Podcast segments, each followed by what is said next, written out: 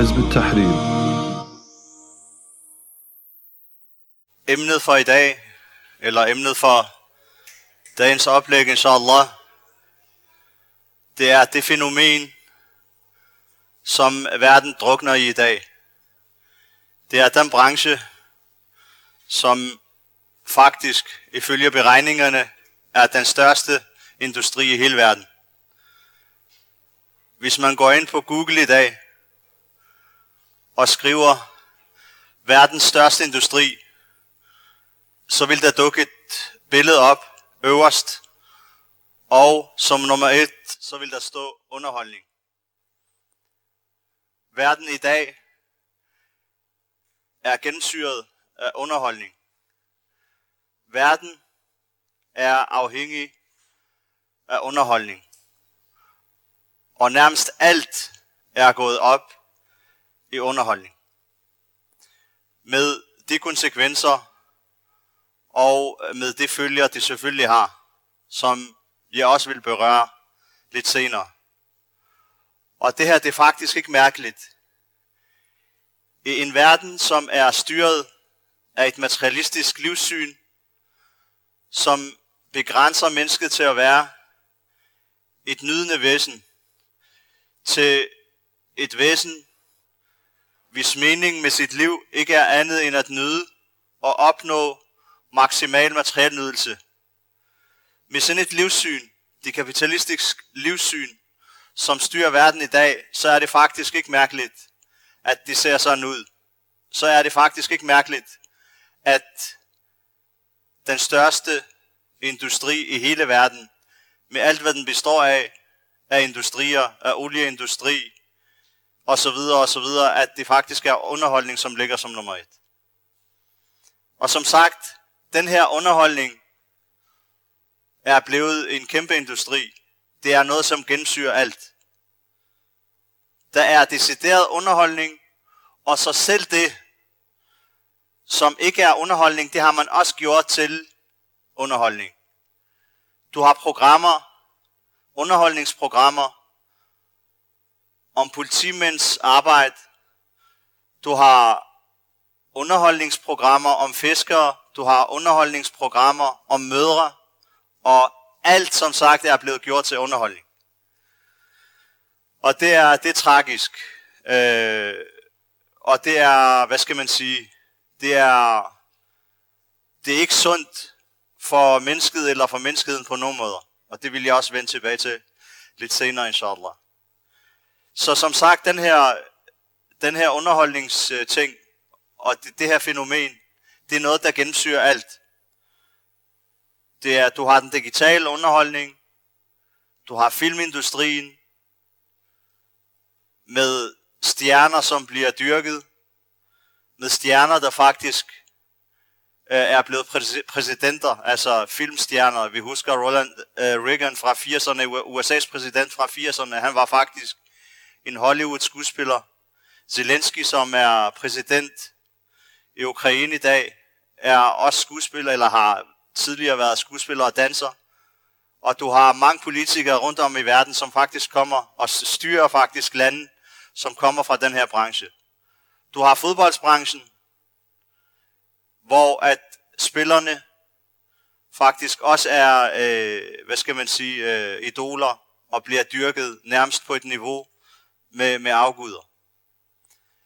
Øh, så det er et fænomen, som sagt, som gennemsyrer alle brancher alle, øh, alle aspekter øh, af livet. Men hvorfor gør det det? Og hvad er konsekvensen af det? Og hvad er islams syn, og hvordan vil islam løse nogle af de her problemer? Det er dagens emne. Som sagt, der er faktisk flere baggrunde og årsager til, at underholdningen er blevet til det, som den er blevet til. En af årsagerne, som sagt, det var det, jeg indledte med, det er selvfølgelig, at det livssyn, som styrer verden i dag, fortæller mennesket og definerer for mennesket, at den eneste funktion, mennesket har her i livet, og den eneste mening, der er med livet, det er selvfølgelig at nyde. Det er at opnå maksimal nydelse, ellers så er livet meningsløst. Der er ikke noget akhira, der er ikke noget jannah, der er ikke noget Jahannam. Der er ikke nogen prøvelser. Der er ikke noget mening med livet. Så det eneste, den, det er det, som det her livssyn fortæller mennesket. Det kapitalistiske livssyn fortæller mennesket, at, at livet er meningsløst. Og at det eneste indhold, livet kan få, det hvad skal man sige, det er den nydelse, mennesket formår at lægge i det her liv. Hvilket jo selvfølgelig er et tomt, øh, hvad hedder det, et tomt øh, livsformål. Og en tom, intet sigende mening med livet. Fordi hvor meget underholdning kan du få? Og hvad gør du den dag, du ikke kan få underholdning? Og hvad gør du den dag, når dine problemer og dine bekymringer overskygger den underholdning, du får? Og hvad gør du den dag, hvor at underholdningen bliver for kedelig, og det du bliver underholdt af, det ikke længere er underholdende? Det er selvfølgelig nogle af de spørgsmål, og nogle af de, hvad skal man sige, øh, problemstillinger, som ligger i det her livssyn. Så det først, den første grundlæggende årsag til, at verden ser ud, som den gør i dag, hvad angår underholdning, det er som sagt, at det er det her livssyn, der styrer verden. Et materialistisk øh, livssyn, som ikke har noget mening, eller som ikke definerer noget mening med livet, andet end, at du bare skal nyde, så længe du er her. I de 50 år, du er her, eller de 20, eller 30, eller 80, eller hvor meget du er her. Men der er selvfølgelig også en anden årsag. Og den anden årsag selvfølgelig, det er, at, og den hænger selvfølgelig sammen med den første, det er, at, at verden bliver styret i dag af nogle få, enkelt grådige pengemænd. Øh, økonomiske giganter. I form af rigmænd, i form af, af, af nogle multimilliardærer, i form af, i form af nogle filmselskaber, i form af nogle mediemoguler, som faktisk mere eller mindre styrer, styrer hele verdens økonomi. De her mennesker, de er jo selvfølgelig interesseret i at få fat i alle de mønter, de surtjente mønter, som ligger i folks lommer. Og derfor forpasser det ikke en chance, uden at prøve at udnytte den til at få de sidste kroner ud af folk. Og underholdningsindustrien, som sagt, det er blevet til, jeg vil ikke sige en milliardindustri, det er en trillionindustri. Filmselskaber, fodboldsligager, den spanske, den engelsk, øh, den italienske, er jo trillion forretninger. Altså, der er fodboldspillere, som bliver solgt for milliarder. Øh, og så har du selvfølgelig hele det aspekt, som opstod for en cirka 10-20 år siden, øh, som har gjort sagen meget værd, og det er digitalisering. Det er internettet. Det at man, og det her internet, det har selvfølgelig haft noget, nogle spring. I løbet af 90'erne og 0'erne var det i, i form af en stationær computer, som man havde derhjemme, men så udviklede man jo i løbet af 0'erne, især øh, op i midten af 0'erne og så op efter, fra 2005 og efter, udviklede man, øh, hvad hedder det, altså telefoner, digitale mobiltelefoner, ikke? Ja, altså smartphones, som gjorde faktisk, at man havde adgang til internettet konstant, og som gør, at folk faktisk har adgang til alle det her, eller størstedelen af det her øh, underholdningsplatform i deres lommer. Om de så er 3 år eller 50 år, om det er fattige eller rige. Alle har adgang. Og det her, de har fået, øh, hvad skal man sige, savlen til at løbe endnu mere ud af pengemændenes, de store pengemænd, øh, internationale pengemænds øh, og rigmænds øh, og kapitalisters øh, grød i munden, som løb i vand i forvejen. Og har selvfølgelig udviklet det til at blive en milliardindustri. Hele den del, der ligger på internettet. I form af filmtjenester, i form af spil, i form af, hvad hedder det, afspilningstjenester osv. Som jeg ikke behøver at ramse op. Så som sagt, det her, det er en milliardindustri, som bliver brugt til at få, øh, hvad hedder det, at få fat i folks penge i form af, i form af betalinger for reklamer, i form af betalinger for tjenester osv. osv. Og så er der jo er, er der selvfølgelig også en politisk del forbundet med alt det her. Og det er, at man, at tyranner og undertrykker altid har været, altså magthaverne, altid har været interesseret i at give folk virkelighedsflugt, at give folk en fantasiverden, således at det ikke vender deres øjne mod den undertrykkelse og den uretfærdighed og den elendighed, de lever i, forårsaget af den her elite, forårsaget af det her magthaver. Det her, det har været, det har været øh, tilfældet siden, siden øh, hvad det, det hedder, siden romeriet. Hvis I lægger mærke til, i de gamle romeri, næsten i alle de byer, som er romersk, så finder du det, der hedder kolosseumer, altså teatre, kæmpe teatre. Hvad blev det her teatre brugt til for 2-3.000 år siden? Til at bedøve folk. Ligesom man bedøver folk i dag med Hollywood og YouTube og TikTok og Instagram og den spanske liga og Serie A og så videre, så var det det samme dengang også. Det var gladiatorer og det var teaterstykker. Folk sultede. Folk blev frarøvet deres ejendom igen skatter i Romeriet og i andre riger dengang. Men når de kom ind i teatret, når de kom ind i Colosseum, så kunne de, så kunne de få et øjebliks pause fra den elendighed, de levede i. Og det her, de gav tyrannerne lov til at fortsætte på magten. Det gav tyrannerne, øh, hvad hedder det, mulighed for at få folk fjernet fo- øh, folks fokus fra den undertrykkelse, det udsatte folk for. Og det er præcis det samme i dag.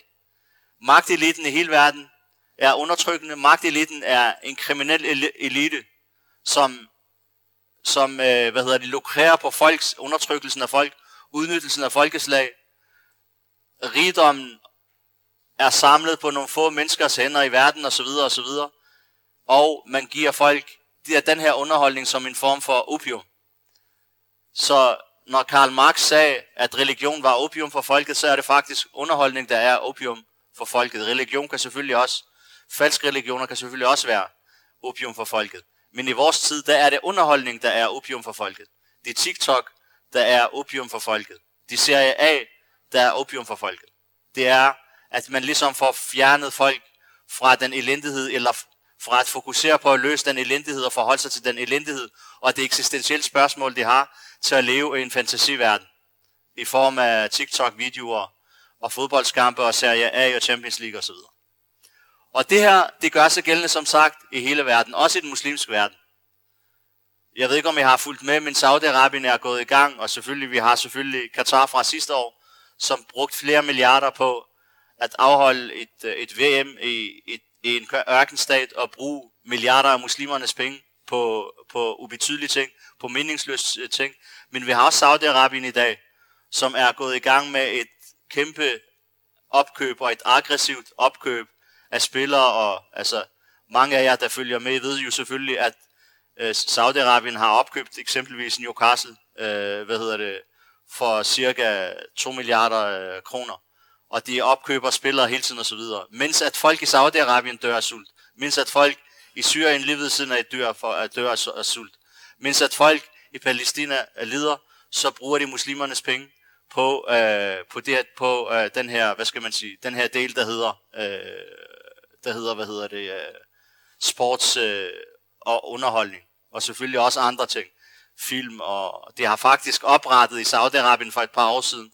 Det har nedlagt det, man kaldte, øh, hvad skal man sige, de politi, som skulle opretholde sharia, det har man nedlagt, og i stedet for, så har man lavet en komité, der hedder Underholdningskomiteen i Saudi-Arabien, som henter, hvad hedder det, rapper til provinser Sallams øh, land, og henter sanger og, og, hvad hedder det, afholder diskoteksfester og teknofester osv. osv.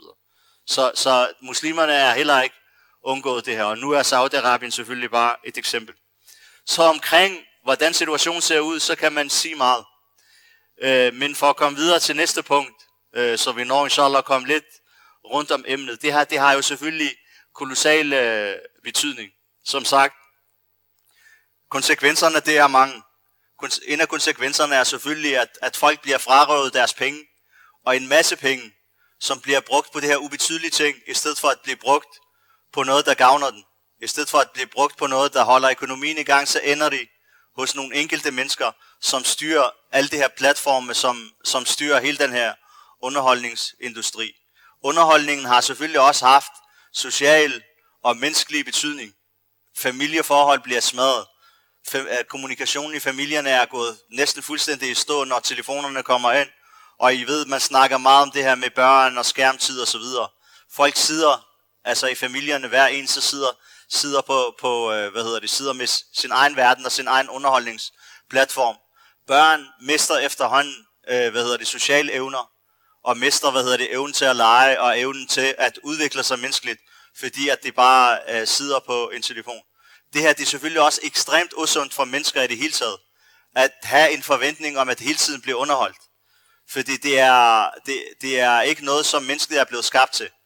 Det er sundt for mennesket at kede sig nogle gange. Det er sundt for mennesket at sidde nogle gange og reflektere. Det er sundt for mennesket ikke at have noget at lave øh, nogle gange. Men det er blevet, det, i, i vores tid, der er det blevet noget, som er fuldstændig, øh, hvad skal man sige, uhørt. At man ikke bliver underholdt hele tiden. Og det er det er ikke sundt for mennesket. Fordi, hvad gør man den dag, man ikke har adgang til underholdningen? Hvad gør man den dag, problemerne melder sig ind? Hvad gør man den dag, man er isoleret? Eller det, hvad, hvordan, man kan, ikke, man kan ikke forvente at være, øh, hvad skal man sige, side og blive underholdt af film og ting, der underholder en 24 timer i døgnet, hele livet igen. Det, er, det, det kan mennesket ikke holde til. Og det kan vi se.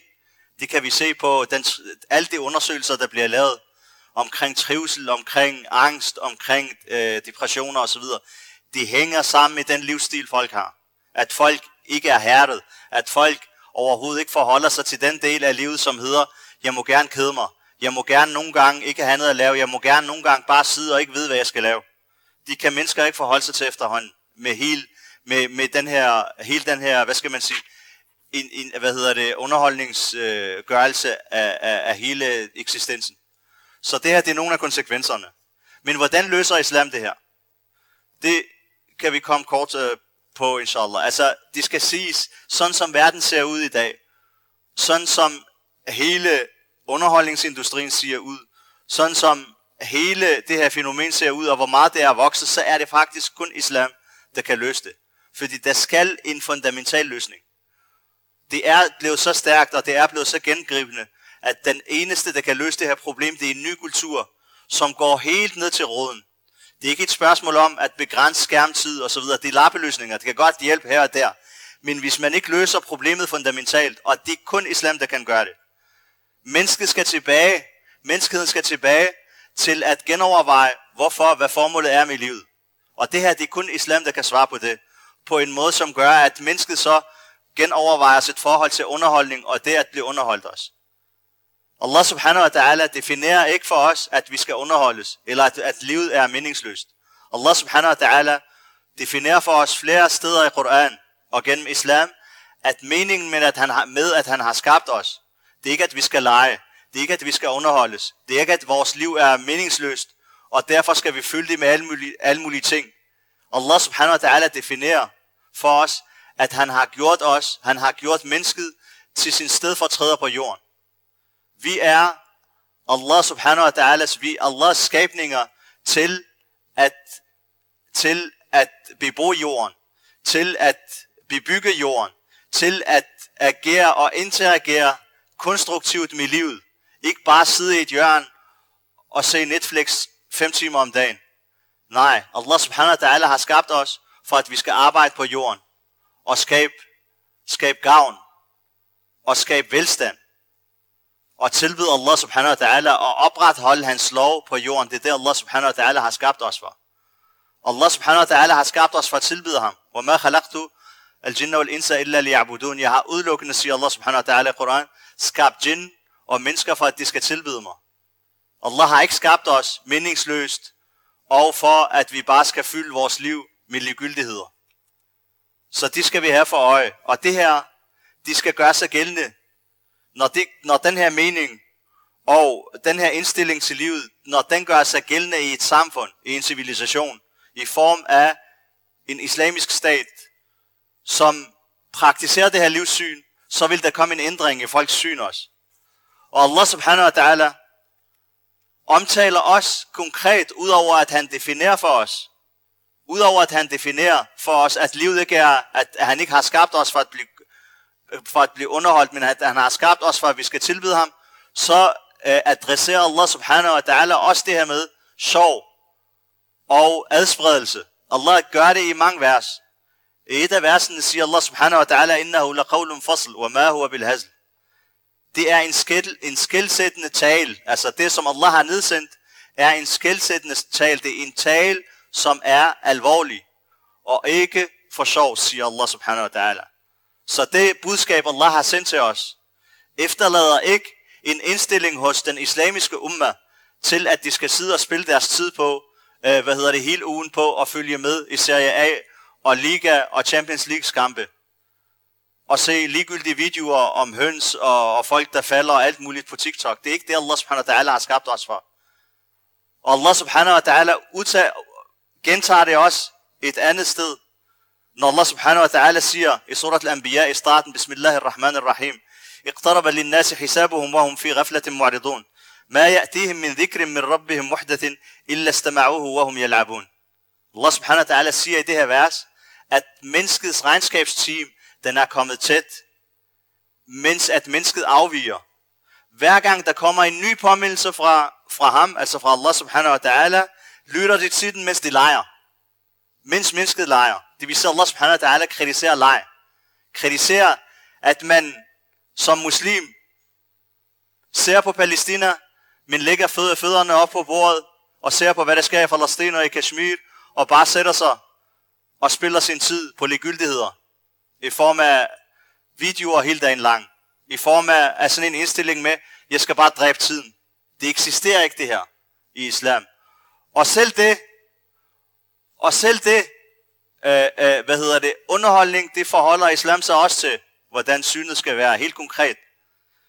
Så Allah subhanahu wa ta'ala, som sagt, kære brødre, han har skabt os for at tilbede ham. Han har skabt os for at få noget ud af vores liv. Og profeten sallallahu alaihi wasallam, han siger i en hadith, at mennesker taber i to, de fleste mennesker siger, han taber i to ting. Det er deres gode helbred og deres fritid. Subhanallah, prøv at se, hvor, profeten, hvor præcis profeten er. De fleste mennesker taber to ting. De taber deres gode helbred, og de taber deres fritid. Hvad betyder det? Det betyder, at mange mennesker udnytter ikke det gode helbred, det har. Det finder man først ud af, den dag man er syg. Det gode helbred, og hvad du kunne bruge det til, er koranlæsning, er dager, er samvær med familien, er hjælp til forældre, er besøg til de syge, og besøg af familie osv. Det finder du først ud af, når du ikke har dit helbred. Når du ligger med feber, eller når du, eller når du har brækket et ben, eller når du har migræn, så tænker du, som handler, hvorfor brugte jeg ikke? Du har haft et masser af tid med et god helbred, men det har du spillet på Netflix, eller det har du spillet på YouTube, eller det har du spillet på uh, Counter-Strike, og, al, og alle mulige andre ting, som er ligegyldige. Så profeten sallam, han påpeger det her. Og så peger, påpeger han det med fritid. Det er god helbred og fritid. Det vil sige, fritid er ikke noget, der skal dræbes. Der er ikke noget, der hedder, jamen jeg skal bare fylde min tid, jeg skal bare dræbe tiden.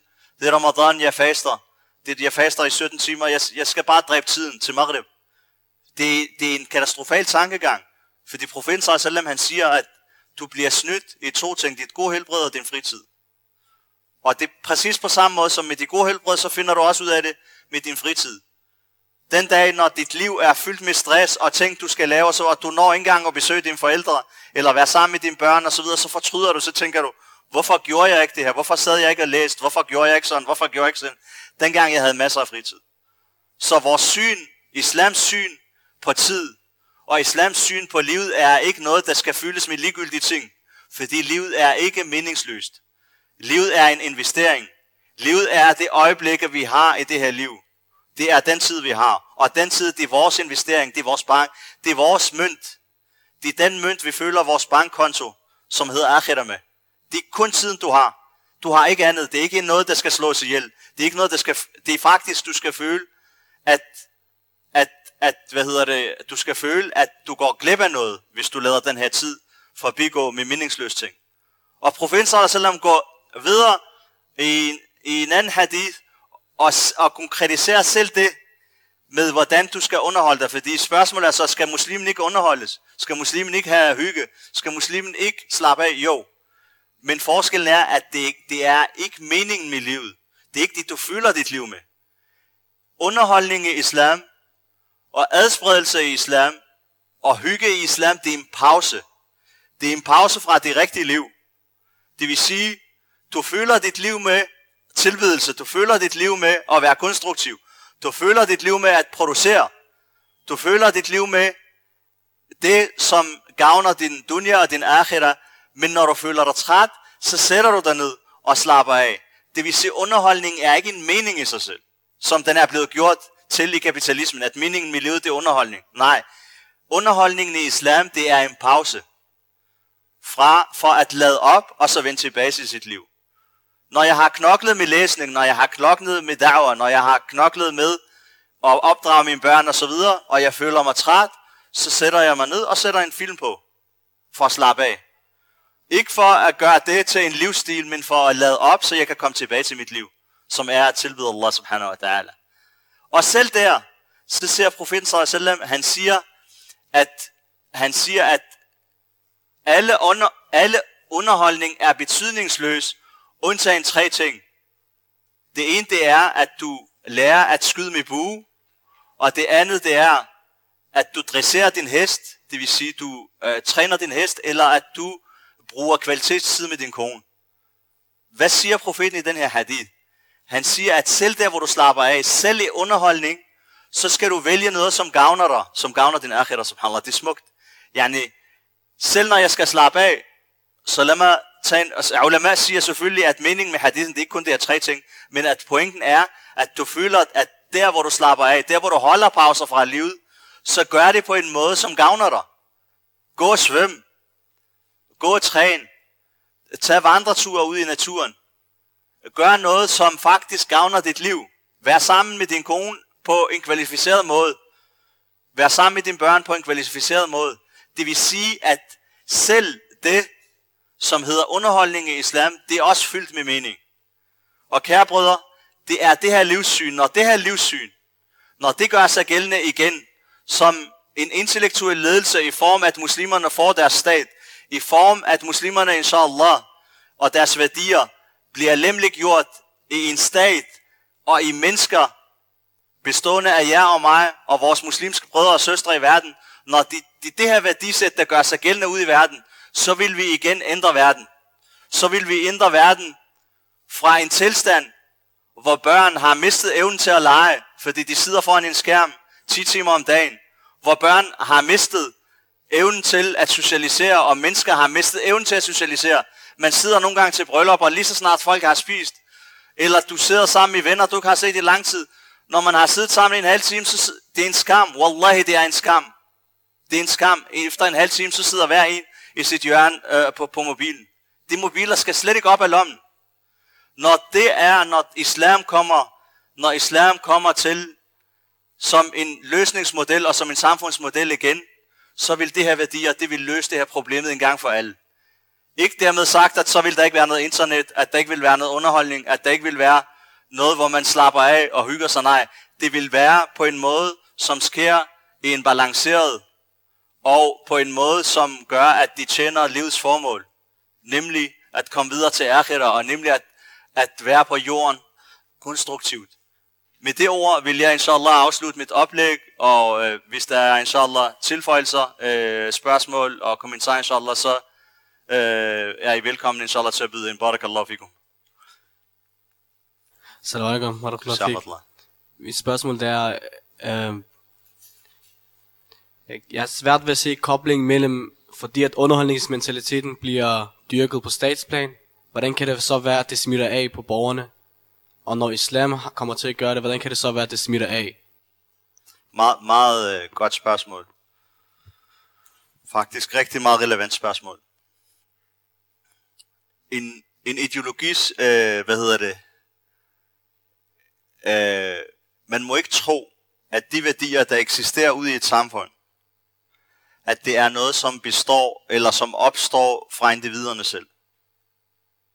Det kan godt se sådan ud, at det er noget, folk vælger, og det er noget, folk selv producerer, men det er det ikke. Det er en del af den ideologi, som er herskende i samfundet. Sådan har det altid været. Også i det her samfund, og også i, de, i, den, i den islamiske stat i fremtiden, inshallah. Også i de stater, der eksisterer i dag. De stater, der eksisterer i dag i verden, bærer på en politisk ledelse, bærer på en intellektuel ledelse, bærer på et livssyn. Det livssyn, de får de sat, de får de, de får de sat ud og kanaliseret ud i samfundet gennem lovgivning, gennem medier, gennem undervisning, gennem de værdier, der bliver diskuteret i samfundet. Det er det, som folk adopterer. Det vil sige, at de kapitalistiske stater, der eksisterer i verden i dag, bygger på et livssyn, der hedder, at livet er meningsløst som udgangspunkt, og er kun, indeholder kun noget kvalitet, når du fylder det med noget kvalitet i form af nydelse. Punktum. Det her, det får de kanaliseret gennem medier, gennem uddannelse, gennem de diskussioner, der er i samfundet, det får de kanaliseret ud i samfundet. De får, de får defineret for folk, hvad det er, hvad det gode liv er, hvad livet er, og hvordan livet skal leves. Og derfor så finder du jo ikke, du vil altid i, i, sådan et, i sådan et samfund, som vi lever i, eller i andre samfund, som er udviklet, så vil du finde, at der er en homogen, der er en homogen, hvad hedder det, et homogent syn på livet. Alle mennesker i det her samfund. Det kan godt være, at man kan være uenig i detaljer, men alle er enige i, at det gode liv, det er, at du nyder. Det gode liv er, at du har et, øh, du har et godt hus, at du har, hvad hedder det, øh, at du, du kan hygge dig, og du kan tage ud og rejse, og du, materiel nydelse. Det vil sige, at det er noget, som er blevet defineret af ideologien, og det er noget, som er blevet defineret af de stater, der styrer. Det definerer, hvad det gode liv er. Og det, det er at adoptere folk. Og det det her, og ikke nok med det, det gør man ikke kun indenrigs. Det er også noget, man kanaliserer ud i verden. Tag til Nigeria, tag til Sierra Leone eller Indien, og spørg folk der, hvad er det gode liv? De vil give dig præcis samme recept, som folk har i København og i London. Fordi det er den kapitalistiske ideologi, som, som har defineret, hvad det gode liv er. Så folk, hvis du spørger folk i Nigeria, så vil de også sige til dig, at det gode liv, det er at have en fed bil. Det gode liv er at, øh, hvad hedder det, at være rig. Det gode liv er at øh, have et flot hus og så videre og så videre. Det gode liv er at hygge sig. Så det er, det er, forbindelsen er, at det er ideologien, der, og gennem staten, der definerer, hvad det gode liv er. Og det er nogle værdier, folk optager og tager til sig. Præcis på samme måde i islam. I islam er det også præcis det samme. Staten, khilafa-staten, bygger jo på islam, og islam definerer det gode liv på en bestemt måde. At leve liv selvfølgelig islam, og leves anstændigt, og leves rent, og i harmoni med andre mennesker, i harmoni med sig selv, og i harmoni med moralen, og i synet på akhira, og at man lever i det her liv, mens man forventer at få Jannah i det næste liv. Så det er det her syn, det er det her syn, der vil herske i samfundet. Det er det her syn, som den khilafa-staten vil, det er det her værdier, og det er, det her, det er den her definition af det gode liv, som khilafa har, også har gjort det før i tiden, har, har hvad hedder det, kanaliseret til befolkninger. Det, det her, så, det, her det, det vil også ændre så folks syn på og forventninger af, hvad de vil få af livet. Læg mærke til, at, at hvis, bare for at tage et lille eksempel på, på det her. Hvis du tager rundt i hele den islamiske verden, undtagen nogle enkelte undtagelser, så kan du så spørge, jamen, eksist, altså, eksisterer der, eksisterer der kunst i, i Khilafah-staten? Ja, det gjorde der. Men hvad var det for en kunst, hvis du lægger mærke til det? Det er kalligrafi, og det er, hvad hedder det, øh, det er kunst, som er baseret på, øh, hvor man ikke tegner levende væsener. Det vil sige, at man går ind og ændrer og øh, hvad hedder det, omformer livet i forhold til det livssyn, der var. Øh, og sådan kan du se i alle livets hensyner, at når der er nogle bestemte værdier, så er det også noget, der påvirker kollektivt den måde, folk ser på forskellige fænomener, underholdning og kunst osv. Og derfor blomstrede den her form for kunst i den islamiske verden. Udsmykning osv. Netop fordi, at muslimerne har det her forbud mod at tegne ting, øh, som har en sjæl. Så, så hvad hedder det? Ja, det er den forbindelse, der er. Jeg håber inshallah, at, øh, at det var svar på spørgsmålet. Salam alaikum. Um, øh, bror, du sagde øh, det der med, at øh, når man spørger dem i Nigeria og Indien, der siger de ligesom, at svaret på det gode liv, det er det samme, som vi siger her i København. Øh, men vil det kræve en, øh, at øh, Nigerias præsident og Mette Frederiksen og Modi og alle landet, at verdens ledere konspirerede sammen for at kunne lave de samme resultater. Men kan det ikke mere være en mangel på praktisering af islam, at det resulterer i, i det her med underholdning fylder så meget?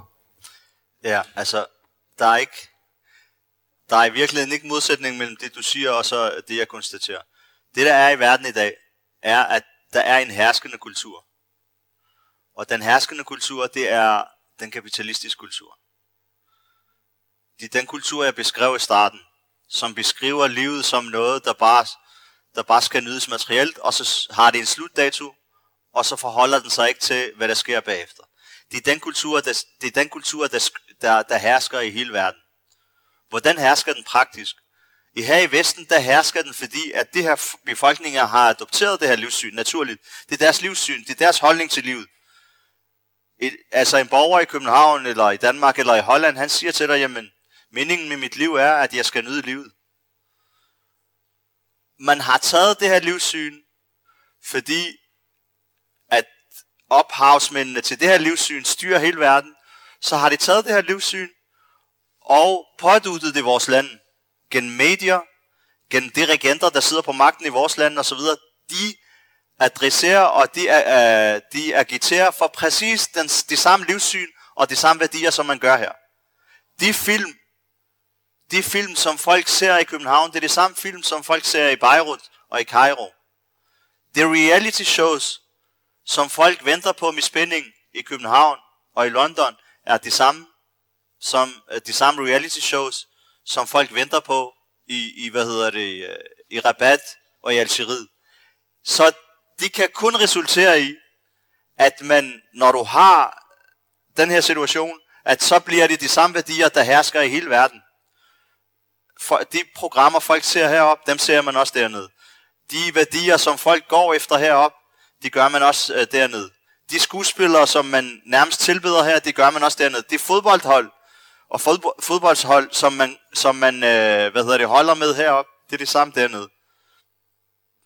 Og det her, det finder selvfølgelig sted, fordi som, det er rigtigt som du siger, fordi der er mangel på bevidsthed om islam. Folk er ikke øh, vaccineret med islam, så de, øh, hvad skal man sige, modstår den her kultur, materialistisk underholdnings, meningsløs kultur, som rammer den.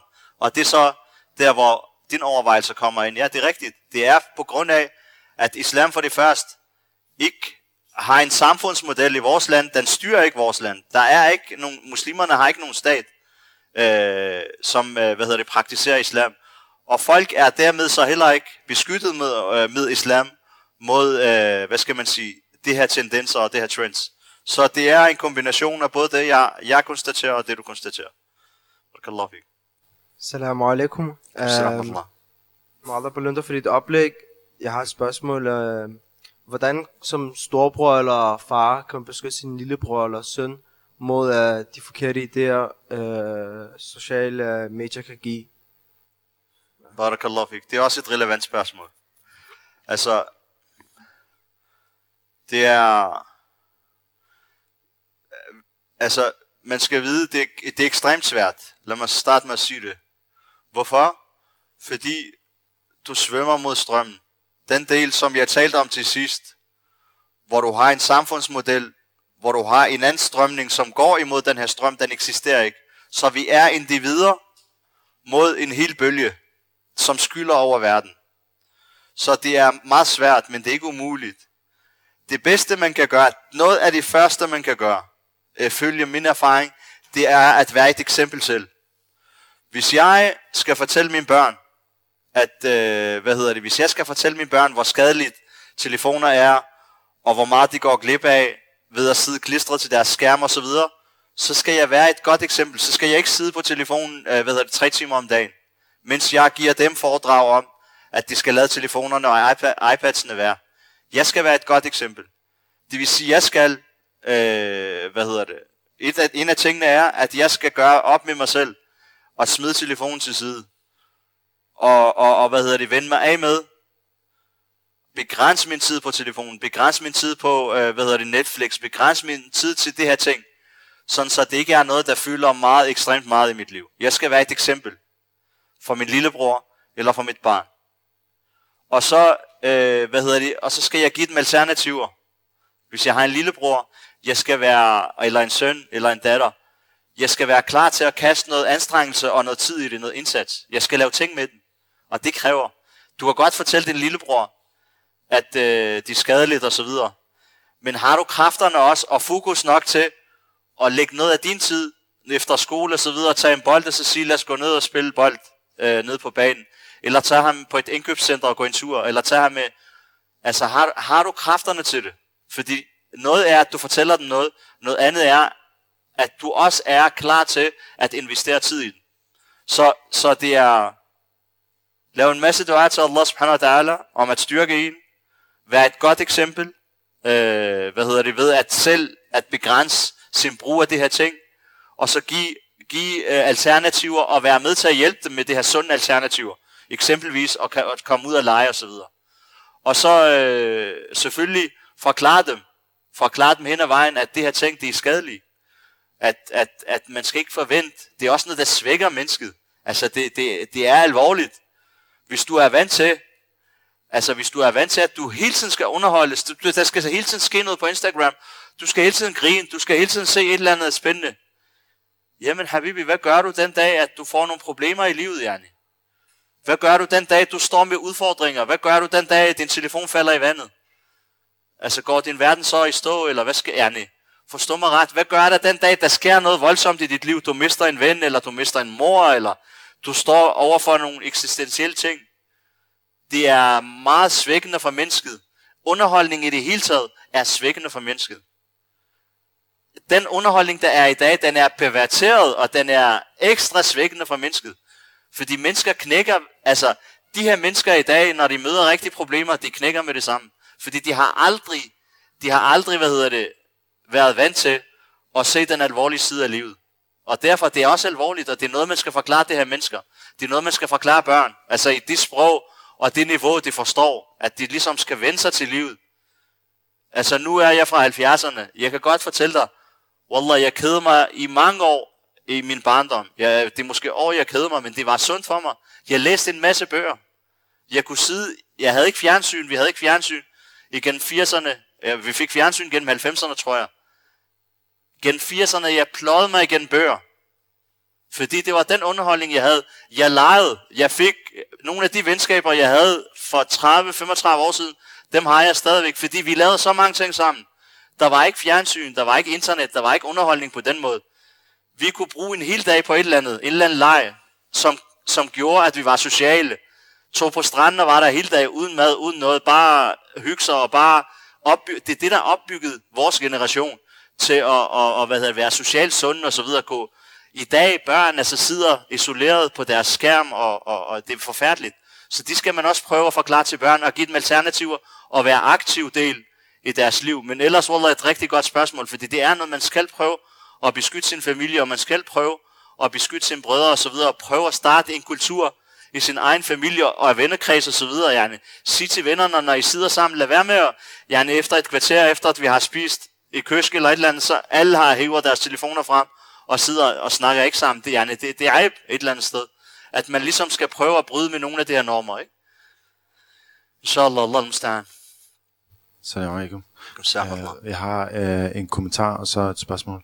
Det er bare i forhold til det sidste, som du sagde. Øh, jeg arbejder inden for sådan noget med behandling og psykologi og sådan, og øh, rigtig ofte så laver man øh, en øh, behandling og en handlingsinsatsplan for unge, som øh, har det som en forsvarsmekanisme at søge ind i deres telefoner. Øh, det er faktisk rigtig tragisk, så det er faktisk præcis det, du taler ind i. Og så på et andet tidspunkt, så sad jeg til noget kondolering øh, i forbindelse med noget dødsfald, og der var det også bare, som du sagde, det her med, at efter man lige havde sagt et færdigt eller et eller andet, man lige havde hilst og så videre, kondoleret, så var det bare telefonerne frem med det samme. Ikke? ja. Altså, det er forfærdeligt, som du siger. Hvad hedder det? Og øh, så havde jeg bare lige et spørgsmål, som ligger lidt ved siden af, men det var fordi, du nævnte det. Du sagde på et tidspunkt, at øh, Katar og Saudi-Arabien, de bruger muslimernes penge. Ja. Øh, hvad er det, der ligger i det her med, at det er muslimernes penge? Ja. Selvfølgelig, altså, når, når øh, hvad hedder det, Mohammed bin Salman, når han bruger milliarder på at opkøbe spillere, så er det jo selvfølgelig ikke hans fars penge. De pengene fra olien. Den olie, det er muslimernes ejendom. Profeten sallallahu alaihi wasallam siger, at mennesker er fælles om tre ting. En af tingene er ild, er energikilder. De penge, som det her mennesker har, kommer fra ubegrænsede ressourcer, som ligger i jorden, og som per definition er muslimernes ejendom. Det er ikke Mohammed bin Salmans penge. Det er ikke, øh, hvad hedder det, øh, Sheikhen af Qatars penge, som de bruger på VM på en perverteret måde. Det er ikke, det er ikke penge fra, som de har knoklet for eller arvet fra deres forældre. Det er vores penge, det er muslimernes penge, som Allah subhanahu wa ta'ala har lagt i jorden. i form af, af olie, i form af gas, og som det her beduiner, desværre, og det er beduiner, det er hvad det er, usiviliserede beduiner, er kommet til og øh, misbruger og bruger på en perverteret, usiviliseret måde, ved at lave øh, juletræer af guld og spendere den på, altså spendere den på alle mulige perverterede ting. Ikke? Øh, så det er muslimernes penge, som de desværre øh, har fået fat i, og som de så øh, anført selvfølgelig, det er jo, der er jo nogen, der har sat dem i magten, og det er eliten i USA, det er eliten i England osv. Det er, det er kolonialisterne, som har sat det her mennesker i magten. Så størstedelen af ejendom, af den her rigdom, af gas og olie, den går til USA, den går til England, og de rester, de får, dem bruger de på øh, fodboldspillere og VM og alt muligt andet, som er fuldstændig meningsløst, øh, meningsløst og irrelevant for muslimerne. Så det er muslimernes penge, der bliver spildt på det her ting. Masser af milliarder, som kunne bruges på en masse ting. Ja, muslimerne i Saudi-Arabien sulter. Der er fattigdom i Saudi-Arabien. Der er fattigdom i Syrien. Der er fattigdom i Sudan og hungersnød. Og så bruger de milliarder på at købe Newcastle og på at øh, oprette en, øh, hvad hedder det, en golfturnering, øh, som skal konkurrere med den officielle, der er til, jeg ved ikke, 100 milliarder eller 100 millioner og så videre, som øh, meningsløst, fuldstændig meningsløst. Så, så det er de muslimernes penge og det er muslimernes ressourcer, som kunne bruges på udvikling af de muslimske lande, som kunne bruges på brødføde muslimerne, som kunne bruges konstruktivt i uddannelse og hospitalsvæsen osv., som desværre går til spil i meningsløse øh, ting. Og det her, altså brugen, den konstruktive brug af det her penge og det her ressourcer i form af olie og gas, eksempelvis, som Allah subhanahu wa ta'ala har forsynet det muslimske øh, land med, den kan kun først komme i muslimernes hænder og bruges på muslimerne den dag, vi har en stat, som repræsenterer os, og det er Khilafah-staten. Salam alaikum. Alaikum salam Barakallahu fik Abdillah for, for et godt oplæg. Uh, nu når I, uh, I var inde på, uh, på Saudi-Arabien, så vil jeg bare nævne, at, at de saudiarabiske klubber rent officielt, øh, deres, deres kapital er koblet til direkte til, øh, hvad hedder det, til Al Saud og staten Saudi-Arabien. Og det betyder jo, at det er øh, helt sikkert, øh, oliepenge, som, som bliver kanaliseret til, til de her øh, milliarder, milliarder af oliepenge, som bliver kanaliseret til de her øh, kendte fodboldspillere og fodboldklubber. Og så kan muslimerne betale via hajj, og, og nu har vi jo hørt jo de her vanvittige priser, muslimer skal betale i hajj. Ja. Øh, og det er sørgeligt, men, men det er misbrug, øh, faktisk en måde at gøre grin med muslimerne på. Øh, men det jeg gerne vil, vil fremhæve ud over det her spørgsmål med, med fodboldspillere, det er, øh, ud over de ting, du har været inde på i forhold til tid og pengespil osv., så, så er der noget, som, som især ungdommen ikke er bevidst om. Det er, at, at underholdningsindustrien, øh, det, det er mere end tidsspil og, og pengespil. Det er især noget om øh, kultur.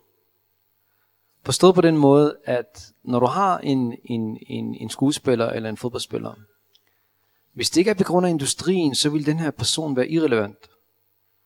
Så man konstruerer personligheder, som udgør rollemodeller.